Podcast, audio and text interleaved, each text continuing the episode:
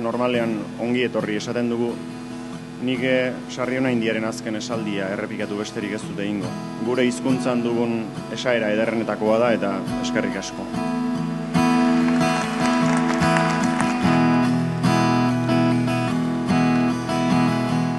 Gure egoera mai gainean jarri nahi dugu. Batetik eta erakunde armatuak bere borroka behin betikotzat bukatu ondotik kokaguneat iritsi delako eta horri ekarpen berriak egin behar zaizkiolako. Zergatik ieslarien gaiak konponbidea izan behar duelako. Eta gaurtik, gaurtik, ekainak amabost biarritzen, gaurtik hasi behar dugu hori konpontzen. Herri hontan ez dadin beste ieslari bat egon. Herria da gure oinarria, babesa da sentitu behar dena, akordioak dira lortu behar direnak. Herria, babesa eta akordioak. Hiru puntu nagusitan labur bildu daiteke konponbiderako gure proposamen hori. Bata, salbuespen neurri guztiak indargabetzea. Biga, gaixo, gaizki, bizi duintasun bat eskaintzea gaur egun egoera larriak bizi dituzten etxetik urrun dauden guzti hoiei.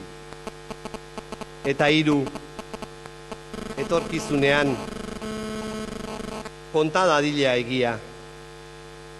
Konta dadila egia. Gu egia esateko pres gaude. Gure proposamenak hiru ardatz ditu. Lehen ardatzan, salbuespen neurri guztiak desagertzeko edo berraztertzeko ordua dela pensatzen dugu. Eta hori esaten dugunean, zer esan nahi dugu? Ba, lehen lehenik, torturapean lortutako deklarazioetan, oinarrituta dauden prozeso judizial guztiak, eta hauetatik eratorritako atxilotze, estradizio eta euroagindute espulsio guztiak bertan bera geratzea. Bigarrena,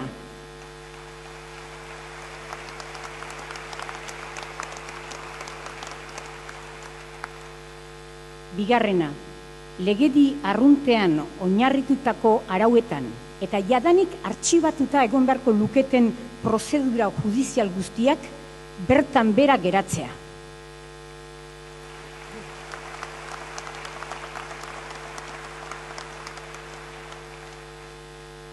Iritzi, erizpide eta elkartze eskubideen aurka irekitako prozedura judizial guztiak eta hauetatik eratorritako baita ere atxilotze, espulsio, euroagindu, estradiozio guztiak bertan bera ustea.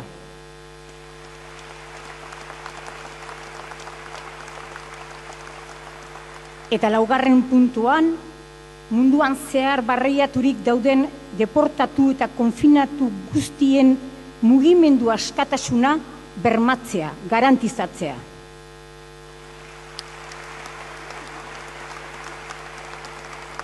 Hau da gure lehen ardatza. Bigarren ardatzan, giza eskubide eta bizi duintasunaren alorrean, Euskal Herriari eta erakunde guztiei hause eskatu nahi diogu. Lehen lehenik, ieslari gaixo larrien zerrenda egin eta beraien egoera konpontzeko bideak aztertzea. Bazterketa egoeran dauden ieslarien duintasuna ziurtatzeko neurriak hartzea eta ieslari guztion etxeratzean laguntzea.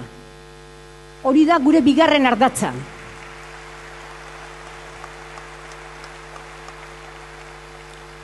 Eta hirugarren ardatzan, gatazkaren konponbidean, gure herriak modu konpartitu batean eraiki nahi duen jendarte demokratiko berri horretan guk ere parte hartu nahi dugu, lan egin nahi dugu, Torretarako guk bizitako egoerak kontatu eta hauen konponbide soziala lortu behar beharrezkoa dela uste dugu. Torregaitik urte guzti hauetan jasan edo pairatu ditugun eraso desagerpen eta erailketa guztiak argitzea exigitzen dugu. Eta eraberean, ba, momentu honetan, gure herriarekin batera, pres gaude, guk biztitako guztia eta guk hartu dugun autu politiko guztiok argitzeko eta azaltzeko euskal jende guztiari. Hau da, guk gaurri eslariok ona ekarri dugun konponbiderako proposamena.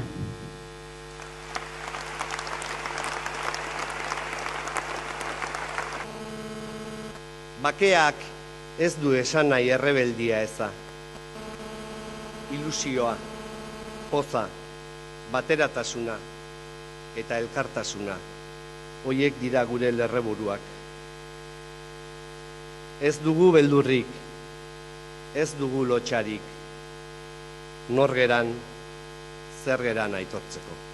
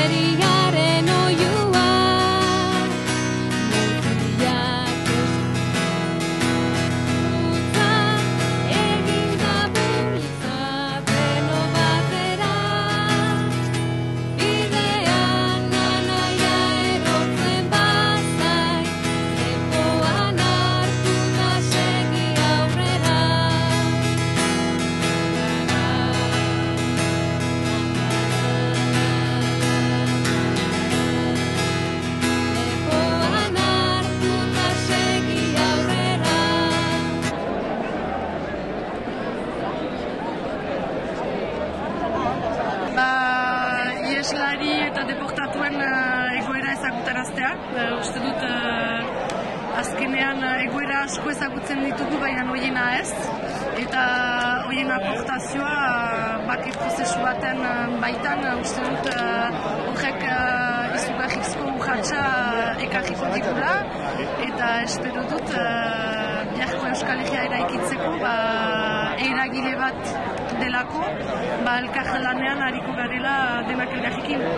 Uh, ba, lehenik, uh, iesari politikoen gaia main gaineratzea, eta dugun uh, irekiden uh, prozesu honetan uh, ondorioen gaindipena aipatzen denean, uh, be momentu uh, handi bat izan da gaurkoa. Momentu handi bat uh, esko, uh, iesarien uh, zat, noski, baina Euskal Herriaren zat uh, ere bai, bide hori uh, berri bat, esariak eskainia gizarteari eta hori hartu beharko dugu eta eta e, rekomendazioen baitan ikusi uh, guzi hori nola bide maiten diogun erritik. Ba, erria kibatzia eta zen eta abizenak ebateko egoera bati, hor uh, presente egon behar dira prozesuan. Bo, hemen e, Ipar Eskolegan bizi izanik e, erreitate hori gure artean e, aspaldidanik e, zagutzen dugu. E, egia da, modu loko gean, e, eskatzen e, duten hitza importantea da kokatzea konpontze, konpontze prozesu batean.